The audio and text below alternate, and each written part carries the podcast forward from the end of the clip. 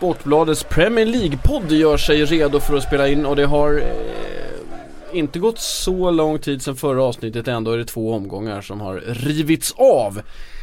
Det är ett tufft schema för eh, Premier League-spelarna i julen. Det vet alla om och ja, de får ligga på.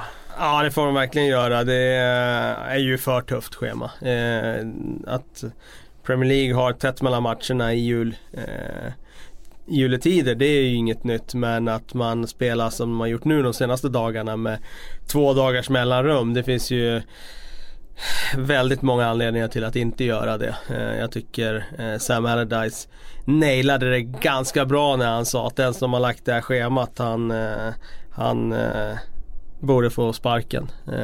Jag ser ingen anledning till att Premier League eh, ska liksom äventyra spelarnas hälsa för det är det de gör eh, genom att spela på det här sättet. Och jag tycker det är oansvarigt. Eh, det är som att man inte bryr sig om eh, spelarnas hälsa överhuvudtaget utan man ser det bara till pengar. För det är det det handlar om i slutändan. Eh, Sky Sports eh, som styr mycket av eh, hur matcherna läggs och så. De vill visa så mycket som möjligt och då vill de sprida ut matcher på många dagar. Nu när det inte finns någon annan fotboll att titta på och då hamnar vi i det här där eh, ja, lag tvingas spela eh, två matcher inom 48 timmar och det är ju eh, fullständig idioti att göra det. Eh, det är ju eh, ja, när lag tränar så kan man inte träna för fullt dagen efter match. Man kan inte träna för fullt två dagar efter matchen. Nu ska man spela en ny ligamatch inom det tidsintervallet och det, ja, det sätter ju sina spår såklart. Och det sätter sina spår och det, är inte, det sätter sina spår också i matchbilderna. Det är ju inte, det blir ju inte den bästa fotbollen hela tiden. Man orkar inte spela fotboll. Nej, och jag tycker nog att eh, det sa väl en del där med José Mourinho. Han eh, poängterade det. Det var först när de fick in spelare från bänken som var fräscha som det eh, hände saker i deras match. Och det är klart att är man inte på tå, är man inte pigg då tar man inte de bästa besluten heller. Nej och de som kollade på Leicester-matchen klockan eh, 13 igår eh, De fick inte det var inte valuta för de pengarna kanske Det beror på vad man vill titta på liksom. Men det var ingen sprudlande fotbollsfest helt enkelt Nej, det var det inte och som sagt jag vet inte vad man ska blamea här om det är spelarna eh, eller om det är de, de som har lagt spelschemat här. Jag skulle säga det sistnämnda faktiskt. Ja det, det, är, det är tufft men det kommer fortsätta vara tufft eh, även nästa jul om jag inte eh, helt minns. Jag tror Ja, till och med att det, det- kan vara värre Ja, men det, alltså, den här debatten om eh, spel i jul har ju funnits i många, många år och jag vet Svennis när han var förbundskapten på sin tid redan han ville ta bort det här. Eh, men det är ju en sån... Eh, Det ligger i deras ett- också. Ja precis, det ligger i Premier Leagues DNA att spela över juletid. Jag tycker inte det är problemet att man spelar över jul när andra ligor tar ledigt. Jag tycker problemet är när det blir för tätt med matchandet här. Och sen tror jag nog också det hade varit klokt att eh, ha en vecka i anslutning till den här julperioden efter den kanske där man går på någon veckas ledighet. Men å andra sidan då startar FA-cupen Mhm. enormt traditionsrik turnering som eh, givetvis ska ha sin plats i limelighten och där vill man inte flytta på några omgångar när storlagen ska in i tredje omgången här direkt i januari. Det är ingenting som man vill skjuta på. Nej, det, mm, Så jag förstår att det är problematiskt också. Det är inte så enkelt att lösa allas behov men jag tycker det är synd när man inte tar hänsyn till spelarnas långsiktiga hälsa istället lägger matcher eh, på det här sättet. Ja och det här är ju någonting som eh, ja, alla vet om det och alla får förhålla sig till det här. Så här eh, det är helt enkelt så här det ser ut. Eh, några som har haft ett svettigt december är, är Manchester City.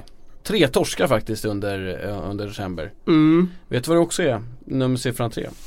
Lika många gånger som Fernandinho har valt att bli, se det röda kortet den här eh, säsongen. Är det tre gånger till Tre gånger, en med Champions League också. Ja, just det. Ehm, Så jag fuskar lite med siffrorna, men jag får frisera.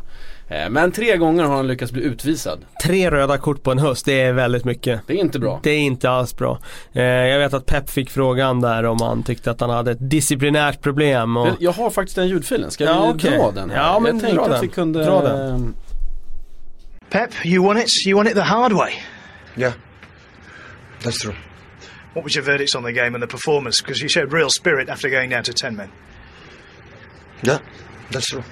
We won against uh, a lot of uh, circumstances in a tough game, so we're happy for that. The sending off, what was your view of uh, the red card for Fernandinho? You are the journalist, not me. You're the manager, I'm sure the fans will like to know. As to the referee, not me. Are you concerned that that's his third red card this season? Is there a discipline problem with him? We'll accept, like I said before. The more team with more ball possession, we have always sent offs. Uh, I have to to understand the rules here in England. Yeah, I know you are a specialist, but I have to understand it. So the interpretation is perhaps different in England? Of course, yes. You don't seem that happy that you've won. More than you believe. More than you believe, I'm happy. You aren't showing it. I'm so happy, believe me. I'm so happy. Happy New Year. Are Manchester City still in the title race? Yesterday, no. Why today was in the title race? Thanks, Pep. Our pleasure.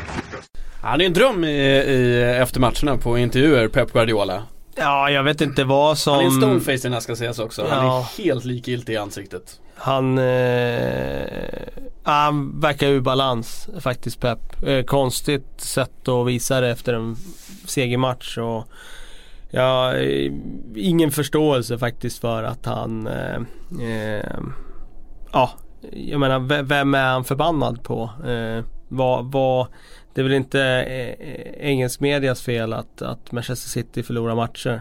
Det är som att han, eh, jag vet inte, skjuter budbäraren i det här fallet. Jag har ingen eh, förståelse för det. det. Jag tycker inte att han har blivit orättvist behandlad någonstans i några sammanhang heller. Det hade varit skillnad om han hade blivit sågad eh, här och där. Men det har jag inte sett på något sätt utan jag vet inte. Eh, han verkar eh, tagen av pressen utifrån. Alltså då menar jag inte den skrivande pressen utan rent trycket på honom och trycket på laget nu när resultaten inte gått med honom. Ja, han, det ska vi säga, Pep Guardiola är inte van att ligga eh, så här långt ner situationstecken i luften. Eh, 10 poäng efter. Eh, nu ska vi se, Fernandinho blev utvisad. Han tycker ju inte att det är en utvisning som låter som. Vad tycker du Kalle?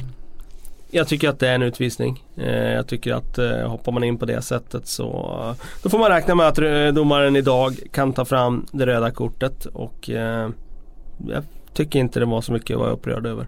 Det är snarare, han ska vara upprörd över sin spelare som hoppar in på det sättet och ger domaren chansen att ta fram det röda kortet. Eh, men eh, City, det ska vi se om vi, när vi ändå är kvar här. De gräver sig ur den här eh, gropen. Det var ju trots allt en eh, torsk mot Liverpool. En man mindre efter en halvtimme när Fernandinho försvinner. Han är ju inte jätteoviktig för deras spel heller. Nej, och sen tio man på det så Tio man. tidigt i matchen. Eh, nej, det är ju riktigt starkt att gå för det sen. Göra Ja, de de byt- offensivt också. Göra de bytena de gjorde och vända på, liksom vända på, nu var det inte vända rent siffermässigt på matchen men vända eh, på Trenden, det, ja, trenden och det liksom den uppförsbacken de hamnar i när de blir 10 man i en första halvlek och ändå gå och vinna där. Det är klart att det är moralhöjande. Det är klart att det eh, stärker dem nu inför fortsättningen. Sen är det klart, eh, får klara sig utan Fernandinho som är en viktig spelare, ja. Men å andra sidan så Ja, har vi fått tillbaka Agüero nu eh, och ah, de har ju så pass bred trupp så att eh, de ska nog klara sig. Gail Clichy eh, syr in en boll eh, i bortre. Den, den är millimeter till höger och vänster. Den tar sig igenom mellan ben och in Ja. precis vid stolpen. Det målet var viktigt. Alltså Ja, det var bra då City ska sägas men det ska ju in också när man är en man mindre. Verkligen. Eh, men ah, jag eh, Jag eh, tror ändå att de har haft sin, sin svacka nu sitter. Nu, nu kommer de att ta sig tillbaka in i det här titelracet. Ja, det här titelracet. Vi har ju redan varit inne på det att ligan har ju blivit skiftad. Eh, Det är ganska tydliga lager. Eh, Ja det får man säga. Och de är ju stora. Nu är det ju sex lag som är eh, uppåt får man säga. Eh, och ett lag som, som är på väg att rycka. Ja, de har en rycka på jättechans att göra det nu. Ja. Och det häftiga med det är ju att eh, topplagen har ju gått ganska bra många av dem de senaste två, tre månaderna. Det är därför det har blivit sånt hack ner, alltså från toppsexan ner till övriga. Men Chelsea har ju gått så ofantligt bra eh, sen kvarn brann i princip. Det det är sen den där förlusten mot Arsenal, Arsenal borta.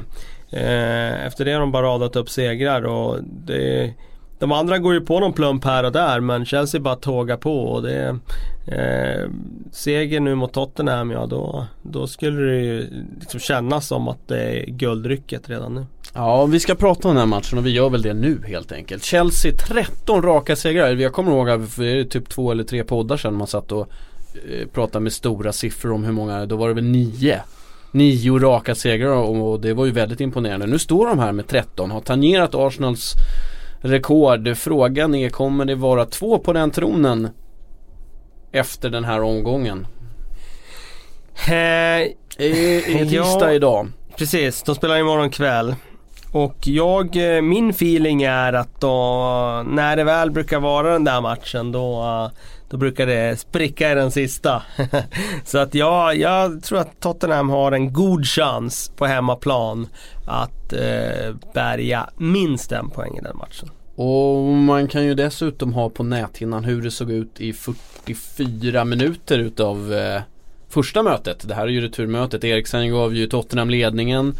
Och sen så är, är Tottenham, ja, de är bättre i första halvleken men Pedro gör ju en en enskild storartad insats, skruvar in den i bortre krysset Just det. eh, och, och vänder momentum och sen är det Diego Costa som brottar in en boll till som, ja han passar fram till den gör han till Ja det spelar ingen roll. Eh, Moses är det som sätter den bollen. Men, men Tottenham hade dem i brygga. Där är det Mm, ju liksom spelmässigt, ja. Men de Mm, hade precis. dem under kontroll. Men det där målet precis innan halvtidsvilan Ja. förändrade ju fruktansvärt mycket. Jag för mig att vi satt och sa det då. Taktiskt sett så hamnade de ju helt rätt då Tottenham i den matchen. Och de skakade Chelsea och de eh, fick egentligen matchen dit de ville. Men den vände och Chelsea vann. Och så har det ju varit nu för Chelsea i ganska många matcher att eh, ehm, de vinner.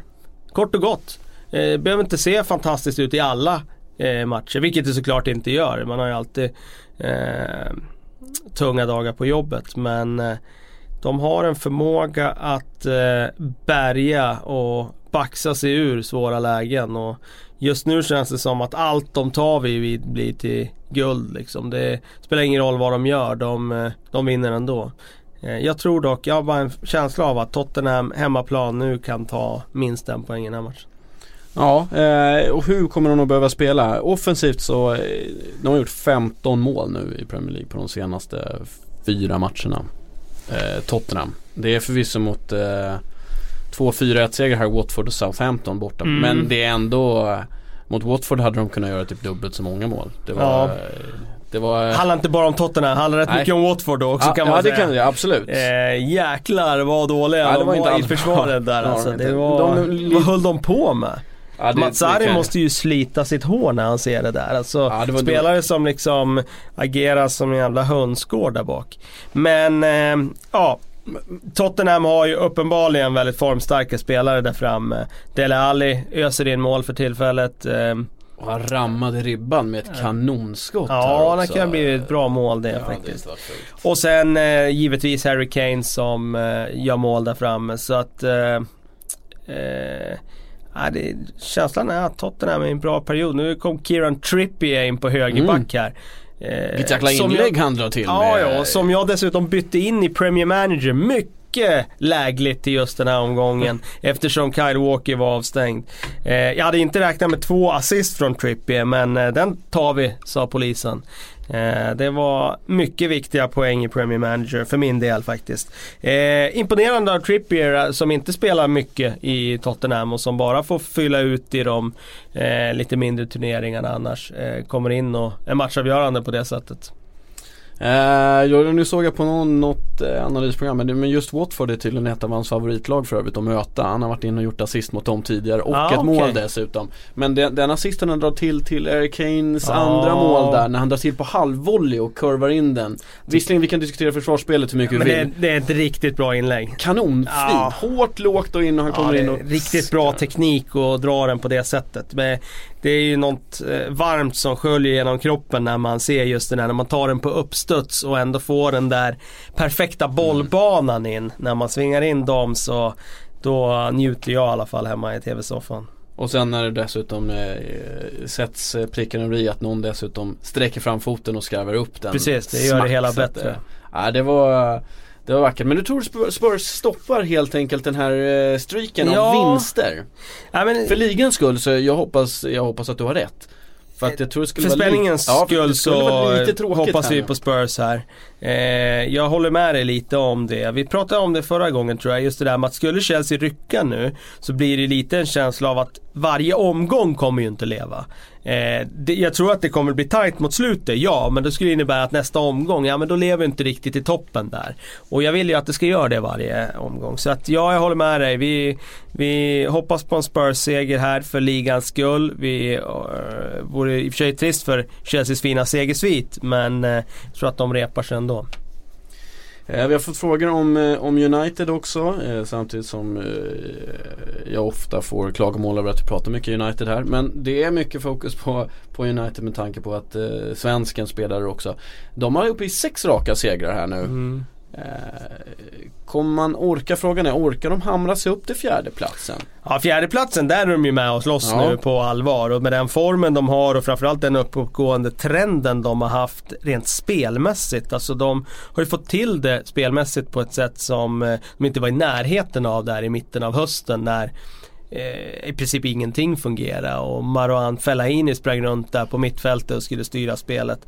Sen eh, fick ju José Mourinho, jag vet inte om han var någon, något hårt som slog han i huvudet eller om hissen till slut hittade ända upp men han vi gav har ju ju en klasspelare här. han gav ju till slut chansen till Michael Carrick och eh, Carrick spelade alltså bara 13 minuter fram till omgång 11 i ligan. Alltså de 10 första matcherna spelade han 13 minuter, det var ett inhopp mot Leicester. Där Manchester United för övrigt vann stort hemma.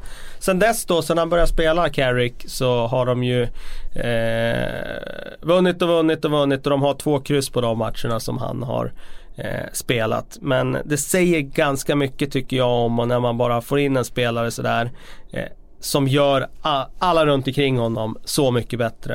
Eh, det är ju sen Carrick kom in som Paul Pogba har hittat rätt. Och det handlar inte bara om att Pogba har fått rollen lite högre upp i plan utan jag tycker det dessutom handlar det om det där att Carrick har ju förmågan att värdera när han ska spela långt eller han ska spela kort och han hittar in med passningar mellan lagdelarna och mellan motståndare och han eh, Han gör ju eh, det så mycket enklare för de andra att eh, bara hitta rätt ytor, få bollen i rätt lägen och så täcker han upp mycket defensivt. Så att eh, det blev ett jackpot, ett masterstroke av Mourinho när han eh, dammat dammade av gamle Carrick som var, får man säga, ifrågasatt när säsongen startade. Det var ju lite rykten om honom i augusti där att han skulle lämna då. Hans plats var ju väldigt osäker men nu tycker jag han framstår som en av lagets viktigaste spelare. Återigen, det har han ju varit de senaste sju åren. Eh, minst.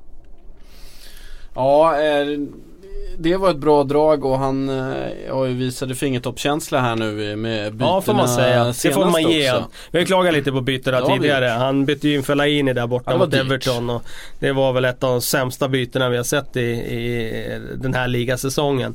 Eh, men eh, den här gången gick han ju helt rätt på det. Det här var ju den Mourinho som eh, vi känner sedan tidigare. Den här med fingertoppkänsla som vet vad matchen behöver, vet vad sitt lag behöver och plockar de spelarna som sen går in och gör avgörande insatser. Det var, det var Mourinho när han som bäst. Rashford har sett, eh, han startade säsongen bra, annars har han sett lite, han har haft svårt. Han har haft en tuff andra säsong. nu var han haft. tight. Nu var han riktigt bra i det här inhoppet men å andra sidan så... Han bara ett misstag. Eh, precis efter att Jag skulle- Men de Gea får göra en superräddning där när, när, nu tappar jag namnet på friläge från West Ham. Michael Antonio. Antonio, räddning, bollen upp. Hade han slagit till på första touch in till Ibrahimovic hade de gjort 1-0, kanske.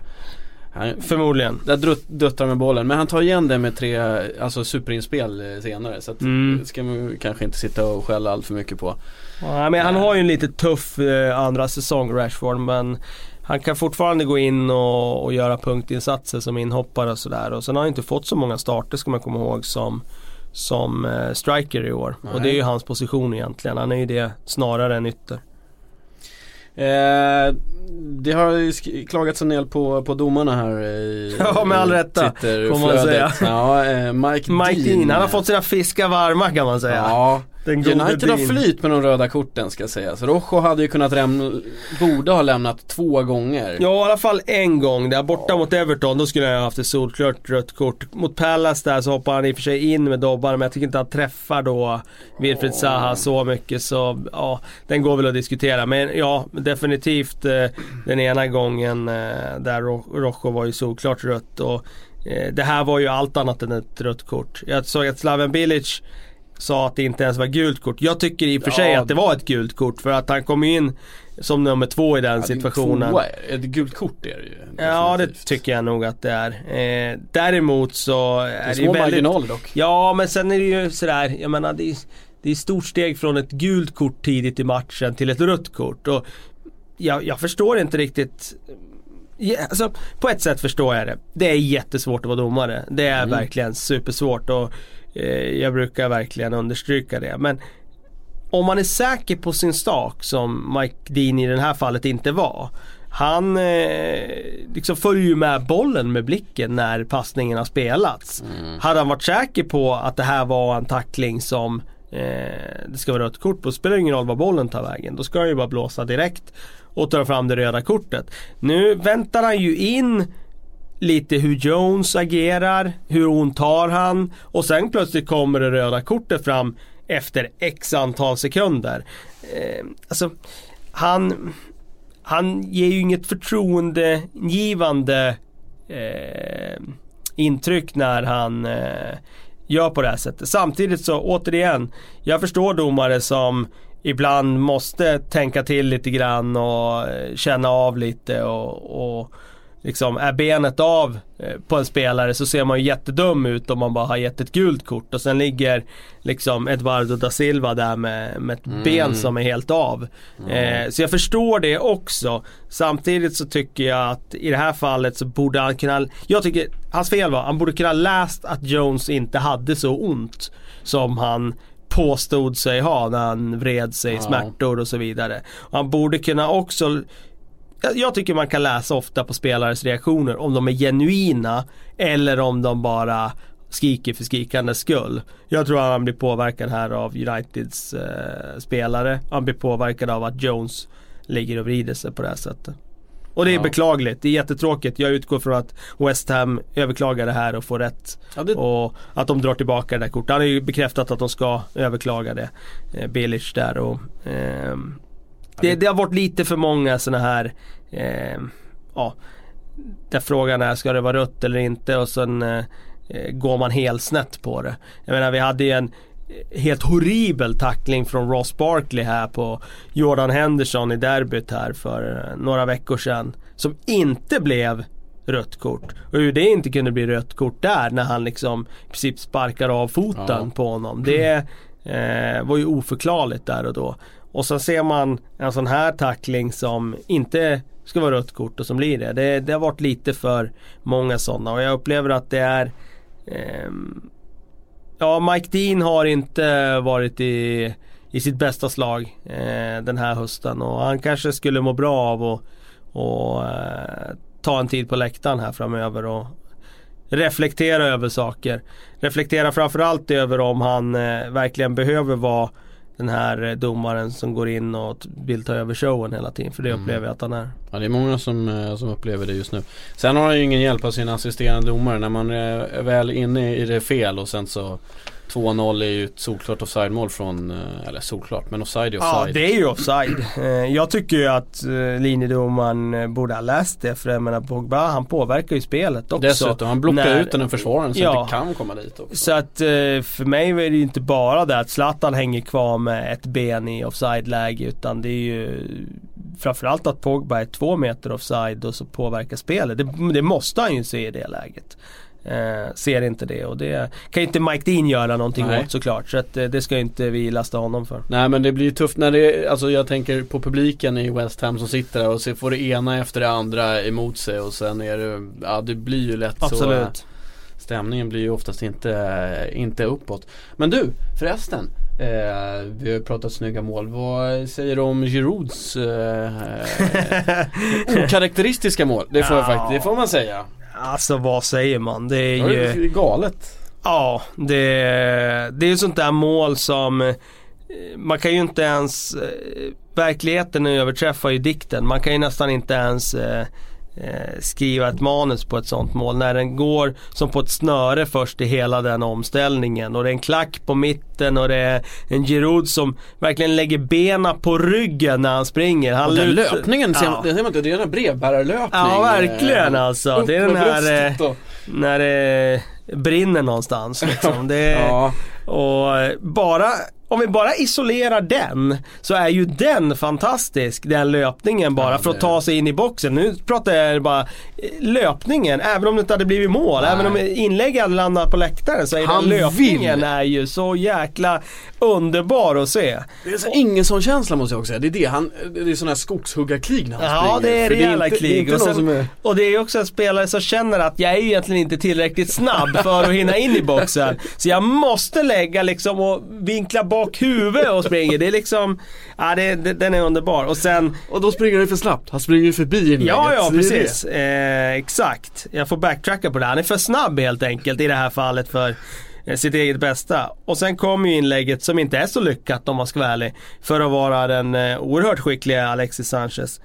Och sen kommer den här helt monstruösa eh, klackvolleyn som eh, ah, det finns ju inte. Ja, det sjuka är man har ju sett sådana där många gånger som försöker det där men den bollen, antingen träffar man ju inte den alls eller så landar den ju på läktaren någonstans. Men att den seglar i en båge, ribba in bakom en målvakt som lite sådär busteraktigt ligger som en glasspinne i luften, inte når den riktigt. Eh, det blir liksom som Målet ramas ju in i en ren och skär fotbollsdröm. Och ja, jag, jag, jag ska inte slå- slå fast att det är eh, det bästa Premier League-målet vi har sett. Men det är ju det är ju med där uppe, det är ingen tvekan om det. det är, om man slår ihop alltihopa så, så kommer det vara med på en topplista. Ja det har vi ju pratat om. Det kommer bli svårt eh, för Fifa att ducka det här målet eh, när de ska köra topp 20 i målen. Eh, vilket de har inte haft med några Premier League-mål där på de senaste två åren. Nej, de har inte rättigheter att visa det. Nej det. väl exakt. det Men nu kommer, nu kommer det bli svårt att ducka det här målet. Det, det, det är det jag också tänker. Det känns som att de hoppar över Premier League för att de inte får. Ja, just det. Men hur ska de göra Nej, med det här målet? inte. Ja, nej men det, det roliga där är väl också att ehm, ehm, Ofta är det ju mer individuella prestationer som premieras när det handlar om de där Ja. målen. Och det här är ju visserligen Hey, I'm Ryan Reynolds. Recently, I asked Mint Mobile's legal team if big wireless companies are allowed to raise prices due to inflation. They said yes. And then when I asked if raising prices technically violates those onerous two year contracts, they said, What the f are you talking about, you insane Hollywood ass? So to recap, we're cutting the price of Mint Unlimited from $30 a month to just $15 a month. Give it a try at mintmobile.com slash switch. $45 upfront for three months plus taxes and fees. Promo for new customers for limited time. Unlimited more than 40 gigabytes per month. Slows. Full terms at mintmobile.com. en helt otrolig individuell prestation att göra själva volleyklacken. Men det är ju så mycket mer när man ser hela liksom anfallet till det här målet. Eh, det byggs ju liksom upp eh, redan där till eh, ett sammanhang som gör att det sticker ut. Och ja, jag håller med dig. Det, det bör vara högt upp eh, på en sån lista. Eh, Arsenal som eh, också hakar på i toppen. Eh, Bournemouth ikväll, vi får se. De kanske, kanske snubblar idag, det är ju inte helt omöjligt. Eh, eller ikväll. Eh, också med där. Men hur länge kommer det här fortsätta? Alla de här sex lagen kan ju inte bara vinna och sen förlora mot varandra. Då kommer det bli lurigt det här. Ja, alltså känslan är ju att det, att det är så nu. Att de inte förlorar matcher och poäng mot så många fler. Men det är klart, nu gick Liverpool på en poängförlust här och det, det är klart att de kommer tappa poäng lite här och där. Men eh, senaste tiden så är känslan att de bara tappar poäng mot varandra. Eh, men eh, nu har vi haft vår julperiod Mm. här. Nu har vi slitna spelare. Nu kommer vi in i, i en eh, eh, tid här med cupmatcher och så vidare som drar igång. Så att jag tror att det kommer komma fler poängförluster här närmsta veckorna redan. Alltså jäklar vilken press också Chelsea sätter på alla de andra lagen. Det är ju det. Ja, så är andra det lagen känner att vi har inte råd att förlora. Det blir Alltså oavgjort mot eh, Southampton borta för Liverpool. Det är väl egentligen ingen katastrof. Eller Sunderland menar jag. Det är tråkigt. Det, ska, det kan ju hända liksom. Men nu blir det som direkt, de får den och direkt i rubriken. Alltså pressen direkt är att man har tappat två poäng. Chelsea kan dra ännu. Det blir så, så fort liksom. Mm. Det är en, eh, det är en underlig situation för att vara eh, så här. Ja, sen det tror jag också sista att fem matcherna då kan det vara så, men nu redan. så vet ju de också att Chelsea är ett lag som inte har något Europaspel att bolla Nej. här i vår. Och då, jag menar, de kommer inte gå in i kaklet rent orkesmässigt här framme i vår. Utan de kommer att orka. Så att jag tror att de andra lagen känner ju att tåget har börjat rulla och ska man hoppa på då kommer man inte hoppa på i någon av de vagnarna längst fram utan det är liksom där i någon av vagnarna längst bak man får hoppa på nu och så får man se hur länge man kan åka med. Eh, jag tror och hoppas att det blir jämnt i den här ligan men med tanke på att Chelsea är så stabila, har så många spelare i form och inte har Europaspel så ja, det, det, de har skaffat sig ett jäkla bra läge alltså. Mané får se till att hålla in armarna om man är Liverpool-supporter eh, och står Ja, i muren inne lite- i straffområdet. Det var lite märklig den där, det får man säga. Han Intressant. drar in armen först och drar ut Ja, den. precis. Det är alltid roligt också när man protesterar på sådana domslut. Eh, sådär, eh, tycker jag alltid är komiskt. Eh, när det är solklara eh, Ja, här är- förseelser liksom. Det är svårt att snacka bort den där. Det. Men eh, ja, men Mané har väl lite mandat ändå att bjuda på en straff med tanke på Jo. hur oerhört bra han har varit den här säsongen. För jag håller honom som en av ligans bästa spelare under första halvan av Premier League. Och det innebär ju inte att det här var speciellt intelligent gjort just det här men han har i alla fall eh, eh, lite förtroendekapital kvar, ganska mycket. Tyvärr försvinner han ju här nu till Afrikanska Mm. och det blir ju tufft såklart för Liverpool att eh, vara utan honom. Han, Han är en eh, jäkel på att lukta sig till var bollarna ska ta vägen i andra studsar och han är bra på, som, som nu när han gör eh, 2-1 målet. Helt själv får han stå, det är ju lite konstigt men touchen gör, det kommer en touch på en hemmaspelare. Mm. Så står han helt ensam och bara kan raka in den. Ja. Han, eh, jag upplevde ju honom som väldigt snabb när han var i SA-15. Eh, han kunde ta bollen och när han väl fick upp farten så kunde han dra, göra tre fröjer. Men den speeden han har haft när han sätter fart nu i Liverpool den här säsongen. Det är som att han har växlat upp ytterligare en, en växel nu. Eh, han är fruktansvärt snabb. Och eh, han har ju också hittat en jämnhet i sitt spel som han inte hade i SA-15 överhuvudtaget. Eh, Sebastian Larsson, för, eh, om vi ändå ska vara kvar lite på den här matchen. Han, han har ju bra förtroende eh, i Sunderland. Det får man säga. Han får ta, får ta den här frisparken med minuterna kvar rakt framifrån. Nu får han Ja, med sig en straff. frisparkarna där kommer han nog alltid vara högt prioriterad med Jo, tanke men på han att är- han ändå är en frisparksspecialist sådär. Eh, men jag tycker det är kul att Seb har kommit tillbaka och spelar men han var skadad en stor del av hösten. Länge. Väldigt länge borta och han är ju inte sådär jätteung längre. Han är väl 85 om inte jag minns fel och då är man 31 och fyller 32 till och med i år. Och det innebär ju att han, eller han är 87 85 eller 87 Mm, Måste jag kolla. Får eh, Bara för det. snabb, snabb slå på det. 85 för Eskilstuna. Då fyller han 32 i år. Han eh, Eh, har ju såklart eh, börjat sjunga på sista refrängen i Premier League. Men eh, han kan fortfarande göra avtryck där och det är roligt. Eh, fråga från Twitter här. Vi uppmuntrar naturligtvis. Skicka in till hashtaggen Sportbladets PLP. Vi eh, försöker ta så mycket frågor som möjligt. Det blir också så att vi bränner av ganska mycket av frågorna eh, bara i vårt snack såklart. Men eh, Linus Carlé undrar vem vinner skytteligan? Eh, och den är svår att svara på. Eh, men du ska få göra ett försök Kalle. Ehm, Det är många som är där uppe och pillar. ja, ehm, Diego Costa är ju stark alltså. Eh, han får bra service i, i Chelsea. Eh, bra omgivning och han känns väldigt beslutsam den här säsongen.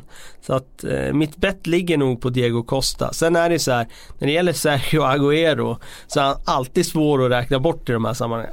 Även om han Så kommer massa mål. Ja men även om han är skadad, vilket han är varje säsong. Och nu har han dessutom tagit röda kort vilket gjort att han missar matcher av den anledningen också. Men han snittar ju på nästan ett mål per match. Så om man bara håller den takten och är hel så kommer han såklart också slåss om den där titeln. Men med det sagt så eh, jag måste ju ge ett svar och då säger jag Diego Costa. Mm. Eh, ja, det, Zlatan kan ju vara med där och hugga också. Han är menar, han är där och nosar nu. han är där och håller sig. Nu gör han ju mål. Han pillar. Mm. Nu får han, fick han ju ett mål här gratis. För Ja. han har blivit rånad på ett... eh, Precis, så det gick väl jämnt ut där kan man Ja, tänka. det kan man tycka. Det, det som är skillnaden var ju att det andra målet var ju dels lite snyggare men var ju ett viktigare mål också i ett 1-0. Nu vann de ju Mm. matchen ändå men eh, Ja, vilka är det mer som är, är där uppe och pillar? Det, det borde ju onekligen så borde ju inte eh, Sunderlands, eh, nu tappar jag också namnet här men han, han har gjort 11 eller vad fan hur många mål Defoe. han? Defoe. Men det, man kan ju inte gärna vinna skytteligan när man spelar i ett lag som kommer åka, potentiellt åker ur. Det är- Nej det ska man ju det inte, ska ju inte bara gå. kunna göra. Men han har ju, han, han, han visar att han, han levererar ju hela tiden fortfarande. Det är, eh, Ja du har Diego Costa på 14, Zlatan på 13, Sanchez på 12, Agüero, Defoe och Lukaku på 11. Harry Kane på 10. Där har vi toppen ja, i då har skytteligan. Kane varit skadad ett tag där också så han Mm. är ju också en, eh, ja det har ju några eh, Det är ganska många som slåss om det faktiskt. Ja Mm. faktiskt och det håller ju, håller ju Sen brukar det ju alltid vara så att någon dippar av de där, eller nästan alla dippar ju lite på våren så. Gör ofta många mål på hösten och sen eh, dippar man lite i målskyttet på våren. Däremot kan det komma någon komet som inte har gjort så många mål på Mm. hösten som bara plötsligt börjar ösa in mål under våren. Men jag, f- min ovetenskapliga tes är att eh, Costa känns stabil. Ja, och just att alla de där kommer att göra färre mål nu eh, under andra halvan av Premier League än vad man gjorde under första. Känns ju som Zlatan var okaraktäristisk. eh, Han hade ju en svacka redan i Ja. höstas. Han kanske redan haft sin svacka. Kan vara så. Och kommer, då kommer han ju vara farligt med. Ja, det kan vara så. Det får man säga, han, kommer han är ju med, alltså han är ju väldigt viktig för United. Det går ju inte att komma ifrån nu. Han får ju spela matcherna, han spelar två dagar emellan. Han går ändå in på topp. Och är med i spelet väldigt mycket. Ja, Eh, och spela 90 minuter. hela 35 år, eh, två dagar mellan matcherna, spela 90 minuter. Aj, det, är, det är otroligt faktiskt. Det understryker verkligen hur eh, unik han är som eh, anfallare idag och med sin fysik. Samuel Teglund, det här är en liknande fråga. Ge oss topp 4 Kalle. Förstår att det är svårt men våga. Han ger även ett förslag här. Själv tror jag det är Samuel Teglund. Ja, jag kan ge en topp 4. Chelsea leder på 49, sen Liverpool 42, City 40, eller Liverpool 44, City 42 och Arsenal 40. Ja, i exakta nuläget är det Ja. inte svårt. Nej, precis. Det var ganska enkelt faktiskt. Men eh, Summa summarum. ja, framme i maj så tror jag eh, att topp 4 kommer att utgöras av Chelsea. Jag tror att det kommer utgöras av Liverpool. Jag tror att det kommer utgöras av Arsenal och Manchester City. De fyra som ligger där nu. Men med lite annan ordning. Mhm. Ja, det var inte frågan. Frågan var topp 4 så Mm. det är lugnt. Mm. Jag tror Tottenham och United står utanför. De har haft en riktigt bra trend. Men... Eh, ja, det är bara på en känsla. Ja, men det... Fair enough. Fair enough. Eh, Jesper Petersson. Hur viktig är Henderson för Liverpool? Han är ju oerhört viktig. Vi snackade om Michael Carrick och hans betydelse för Manchester United. Eh, Henderson har ju samma roll eh, som Carrick har i, i Liverpool. Han är den som styr rytmen i spelet. Allt går genom honom. Han är den spelaren i ligan som slagit överlägset flest passningar hittills. Galet där. Ja, sen vet jag att om man ska titta lite noggrannare på den statistiken så det säger inte så mycket ändå. För om man tittar på City United, andra lag, topplag som och Arsenal och för den delen Tottenham så roterar de mycket mer på den positionen än vad Liverpool har gjort. Och om jag tar Chelsea så har de Kanté där. Det är ingen sån spelare som kommer ner och hämtar varje uppspel. Uppspelen går inte genom honom. Så att den, den säger inte så mycket siffra men det är ändå så. Han är den spelaren som eh, styr Liverpools eh, tidiga uppspel. Och han har haft en otrolig precision i sitt passningsspel Eh, den här säsongen tycker jag. Han eh, slår bort väldigt få passningar och eh, slår inte alla i sidled heller utan ibland hittar han spel framåt också som är väldigt bra. Så han har verkligen hittat rätt i den rollen och jag kan inte se någon annan spelare i Liverpool som kan gå in och göra det jobbet. Du har Lucas Leiva där, ja. Du har Emre Can där, ja. Men du får inte riktigt den kontrollen som du får med Henderson. Nej, det känns inte som två riktigt lika stabila spelare. På det sättet, det håller jag med Ja. om.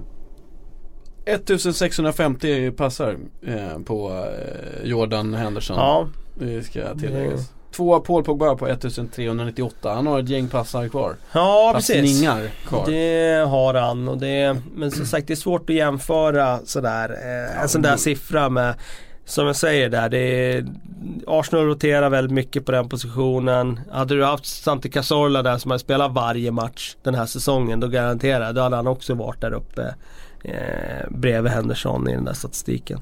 Ja då är det onekligen lättare med skytteligan, den är mer konkret. Ja, det kan man säga. Eh, Diego Costa 14.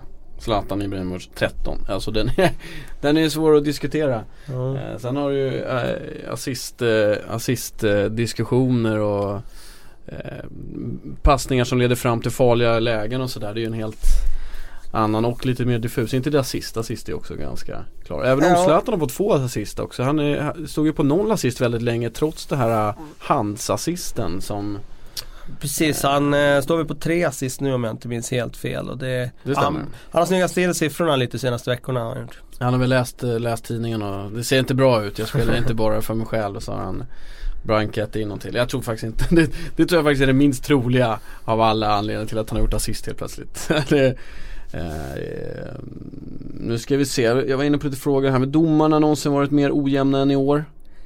Ja, det kanske de har varit. Jag, jag, min uppfattning är att det är alltid domarmisstag och eh, förr så blev de inte lika mycket uppmärksammade och nu vevas de liksom på Twitter om och om igen och man påminns om dem på ett annat sätt än vad man gjorde tidigare.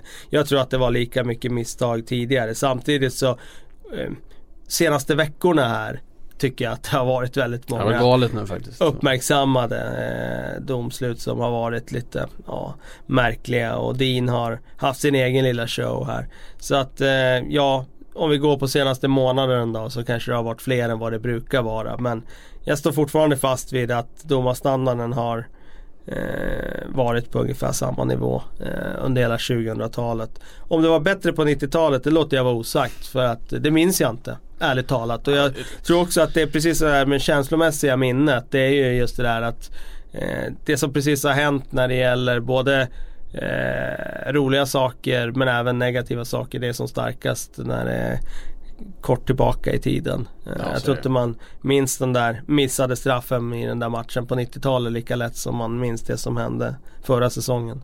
Nej så är det ju. Eh, sen har vi ju frågor här om- eftersom halva, den här är lite lurig, eller lurig inte men den egentligen tar den ju tid såklart. Halva säsongen är avklarad. En PL11. Ja men jag tror jag tänkte fram en här tidigare Fasen, vad faktiskt. fint. Ja, som inte blev av förra podden så därför kan jag nästan dra den bara rakt av. Jag Det är ingen spelare att, som har förändrats Nej på inte så mycket, inte så mycket i alla fall. I mål eh, hade jag nog i min elva Jordan Pickford från början men jag tycker nu de senaste matcherna här att eh, Courtois har ju radat upp nollor sen jag gjorde min lista där. Eh, Så att eh, jag, eh, jag, jag kanske edgar lite med Thibaut Courtois i mål. Sen blir det en fyrbackslinje med från höger då Aspi och Kueta. Han är högerback i en trebackslinje men här får han bli högerback i en fyrbackslinje. Louise och Koscielny i mittförsvaret och sen har jag Danny Rose som vänsterback, Tottenham. Ett mittfält med till höger. Hade vi där då? Jag tror jag tog bort Kanté från min 11 och satt ett super eh, offensivt viktat mittfält med Mané till höger, Lalana och De Bruyne centralt och till vänster Hazard. Och sen på topp då två platser, Diego Costa och Alexis Sanchez. Då kommer ju såklart många vara besvikna att jag utelämnat Zlatan Ibrahimovic där och då är mitt svar på det att det är hård konkurrens helt enkelt. Det är, eh, det är tufft om platserna i den här elvan och eh, Zlatan har varit bra, han har varit jättebra men det är ingen i elvan jag vill byta ut. Det låter som ett fruktansvärt bra lag med boll. Ja, och har man bollen så kan inte motståndaren göra mål och det är så Nej. jag tänker här. Att, Hur ska de ta eh, tillbaks bollen? Ja men Jaha, eh, direkt, vara räddar och så är det direkt återerövring om du tänker spelare som Sanchez och Ja, Diego Costa pressen. och Lalana och sådär. De är ju bra i pressspelet så att jag tror att vi kommer inte låna ut bollen och vi kommer ta tillbaka den väldigt fort när vi blivit av med den också. Så att eh, jag är rätt övertygad om att eh, mitt gäng här skulle springa hem ligan. Jogga hem ligan. Ja, Invincibles, det blir... Ja, eh, nästan så alltså. Nästan så. Ja, ja, ja, ja det, det, är inte, det är inte dåligt. Vi har, vi har för övrigt fått en fråga, vad har hänt? Vi har, pratat, vi har varit lite inne på Louise, men Ja. vad har hänt? Han eh, känns ju som, eh, ja, nu kommer jag inte ihåg vad fraseringen var, var kungen eller om det är gen, värsta generalen nu? Jag letar efter det. Men vad har hänt med Louise? Ja, vad har hänt? Eh, Poletten trillade ner till slut. Han har fått lite mer täckning tror jag i det systemet de har idag med den där trebackslinjen. Nu har jag Eh, hittat den. Jonathan Atty, jävla general. Ja, Så. eh, det kan man nästan kalla honom nu. Han var ju väldigt eh, opolitlig tidigare. Eh, fladdrig och hade sina eh, misstag eh, här och där. Men eh, bättre täckning i och med fembackslinjen eller trebackslinjen vad man nu vill Mm. kalla det för. Eh, får väldigt stor eh, roll i uppspelsfasen där han får stå centralt och styra spelet vilket passar honom väldigt bra. Eh, Men framförallt det där med att han har två ytterbackar om man kan kalla dem så i den där trean då som kan gå upp och ta duellspel och han kan ligga liksom lite bakom och, och täcka av lite på ett annat sätt och då blir det inte de här situationerna tror jag där han måste värdera om han ska stöta eller inte falla utan nu vet han att han kommer täcka bakom de här ytterbackarna och det passar honom väldigt bra. Han har varit oerhört bra i höst och jag är väldigt imponerad av det jag sett av Louise. Vem, är, vem har varit säsongens floppvärmning hittills? Någonting kan ju hända men eh, Floppvärmning hittills. Oj, det där är en sån där man vill tänka på. Nu har jag inte Ja, gått igenom. Nej, det är, inga, det är ingen eh, betänketid här eller? nej. Eh, vilka... Hade du tur där på Premier League-elvan att du redan hade fnulat ja, på den? precis.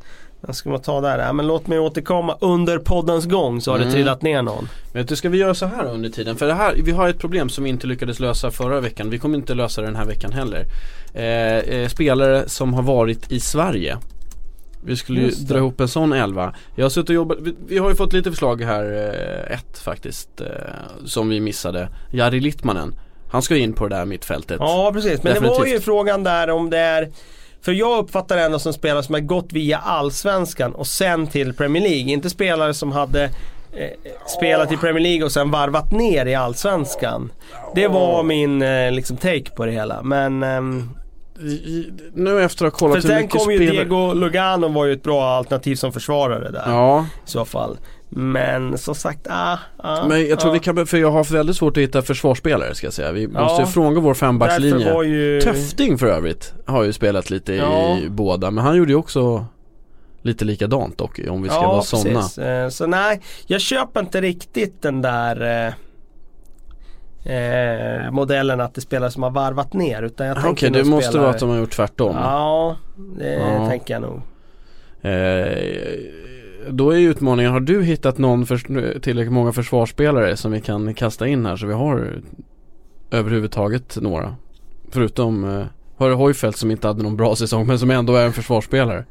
Ja precis, Eh, det var väl han vi hade Det, det var han vi hade. Ja. Det är vad vi har i vår fem, Nej, Du var ju fembackslinjen där Diego också. Lugano fick jag där men han var inte Ja. riktigt eh, något bra exempel sådär. Så att nej jag, jag har inget, eh, nej. Just det, vi går bet även Ja. denna vecka på den här eh. Victor Wanyama hade ju någon föreslagit, han var ju i Helsingborg och eh, men frågan är, han spelar ju inte där utan han var ju där på provträning och det gills ju inte heller riktigt. För då är, då är det nog ganska många som har varit och provtränat någon gång i sitt liv.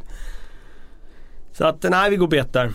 Alltså, den är svår. Eh, Det, har jag ändå suttit och försökt men det var, eh, det var lurigt. De, Mm.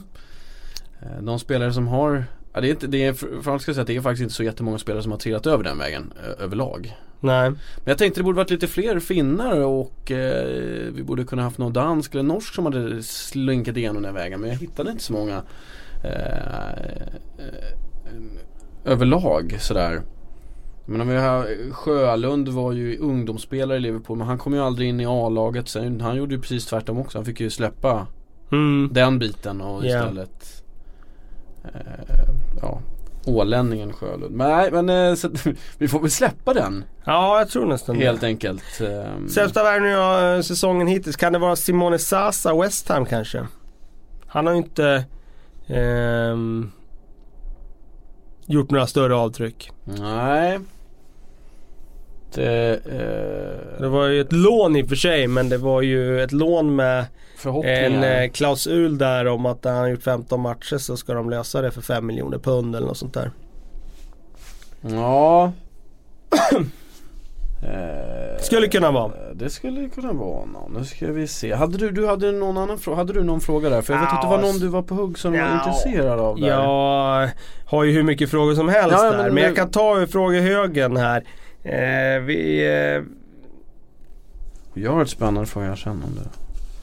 Jag tar den under tiden så kan du ja, läsa. kör, kör. Vilket mål är bäst? Bergkamp mot Newcastle, Wilshares mot Norwich eller Giroud mot Crystal Palace?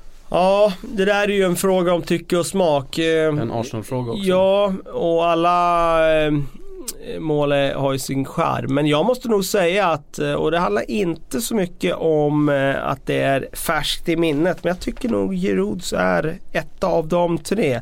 Bergkamp är såklart fantastiskt men eh, jag tycker nog att det här är strået vassare.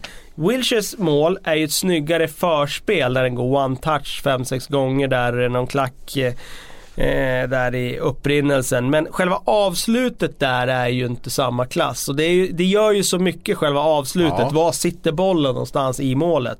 Visst, det är ett tv-spelsmål på det sättet de rullar upp Norwich försvar. Men nej, för mig är Girouds mål nummer ett av de här tre. Men det där är ju som med känslor, de sitter ju starkast när de är närmast. Ja, det var någon som sa det. kanske- får ge det, lite, ge det lite tid. Fabian Mattsson skickade förslag. Dixon Eto'o kan ju lira back i brist på annat. Ja, kan han ju. Ja, Derek Boateng. Brukar- Derek Boateng, där har vi en som kan gå in. Eh, Jag skulle kanske inte sätta, ja högerback kanske han skulle kunna gå ner som. Den gode Derek. Men hur hade, för om jag backar nu, hur var det vi hade? Ha- Vi hade Afonso Alves, fick han plats? Han ska ju spela men vi hade inte med honom i den här 5-3-2 tror jag. Nej, nu För minns du jag hade inte. Sheringham och eh, Crouch. Peter Crouch på topp. Ja precis, man skulle kunna lägga kan till ki- en, eh, en forwardsplats där 4-3-3. Afonso Alves, ja, Afonso Alves där. Det är bara för att minska ner antalet Ja, backar jag som ska tänkte så. hittas. Ja det är ju inte så dumt. Och då har vi två backplatser. Richard King som var i mål där. Ja. jag ja.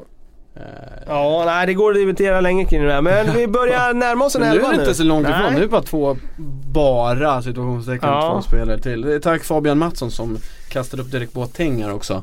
Eh, du får gärna kasta in fler, Jaha. fler förslag. Det, här borde vi kunna lösa kan Ja, jag, jag. kan jag ändå, ändå tycka. Hittade du en fråga där nu eller Ja, fastnade alltså, du det- helt? Ja men en jag fastnar här i högen här. Det är ju eh, Det är hur många frågor som helst men eh, eh, När firar vi St. Tottenhams Day? Frågar en Arsenal-supporter. det är ju alltså dagen när Arsenals fans firar att Tottenham inte längre teoretiskt kan gå om dem i ligan. Och ja, den, de har ju fått fira den där typ varje år sedan Sundsvall brann och Men det var lite tight firande förra året. det var tajt firande men, eh, det- likväl ett firande. Ja, jo, jo. Eh, men Eh, ja, jag tror det blir tight den här gången också. Det blir det där i slutet av våren om det blir överhuvudtaget. Eller är det, är det år det inte blir någon? Nej, 2017 året inte blir. Ja, det det Ja, man vet aldrig. Man vet aldrig. Det Kanske kan avgörs på onsdag. Frågar du Erik Niva så kommer han säga att den kommer inträffa med eh, kirurgisk exakthet eh, någonstans i slutet av mars. Eh, men han är också en pessimist. Men väldigt, ja, i slutet in mot, eh, in mot eh, ka, kaklet eh, hela tiden. Eh, nej men då så. Om du inte har en till där så tror jag vi stänger den här Premier League-podden och så... Eh, Ja, det finns många frågor här men vi, ja, frågor vi, har vi, vi, många. vi men kan... så, vi har bränt av en del genom snacket oftast. Precis, precis. Det var mycket Mike Dean-frågor faktiskt. Ja det var väldigt många. Men det känns som jag, jag vet inte, en fråga var tycker vi ska skicka något till Island? jag vet inte just varför Island men antagligen för att det är en ö, kallt, långt bort eh, och eh, svårt att döma Premier League där. Eh, Jag kan inte komma på en isländsk En intressant fråga här då, från Ja, The. Swedish Gooner. Vi tar den och avslutar med. Ja men kör. Är Giroud tillräckligt bra för att starta trots att Arsenal taktiskt blir sämre i spelet? Spännande Eh, fråga. Ja, mycket bra fråga. Jag, mitt svar på den frågan är nej. Eh, för att Arsenal blir så mycket sämre, de har inte det där djupleds eh, eh, hotet med Giroud på plan så tycker jag inte att han är tillräckligt bra för att starta. Däremot tycker jag han är en väldigt, väldigt bra och användbar plan B. Eftersom han eh, erbjuder något annat och han eh, har sitt felvända spel och nu har han dessutom en volleyklack som man kan eh, lägga till där i, i verktygslådan. Så att eh, för mig är han fortfarande plan B i Arsenal och det här supermålet har inte förändrat det faktumet. Nej och den här, den här säsongen har ju framförallt visat att Arsenal, eh, de spelar ju bättre utan och sen är han ju en ypperlig det är en ypperlig inhoppare som kommer in. Ja, verkligen. Stor, Verkligen. stark. När försvararna redan har kämpat i 70 minuter så kommer han in och som du säger erbjuder en helt annan typ av hot. Så man har vant sig vid en typ av hot i 70 minuter så kommer en annan. Mm. Så där har man ju en eh, eh, Ja, nej. Jag får hålla med. Nej, men han är en riktigt, riktigt bra inhoppare att ta in. Mm. Han verkar väldigt trygg i sig själv också. Sådär, också. Han verkar inte Jag tror inte han stökar till genom att börja på bänken. Det kan man ju inte veta men det känns inte som han som går och klagar allt för mycket och sen sen och säger att jag måste starta alla matcher. Jag kommer vara skitsur annars. Ja, just det. Eh, kanske han är. Ja. Men då visar han inte och det är ju Det är i alla fall bra. Ja. Men då så, då sätter vi punkt där helt Ja. enkelt. Tack för att ni har lyssnat. Nästa vecka nytt avsnitt. Då är eh, Patrik Syk tillbaka. Patrik Syk gör comeback Så ja. han kommer Stämmer. vara Guiden, ciceronen Just det. eh, Alla dessa upplyftande ord Tills dess Tjo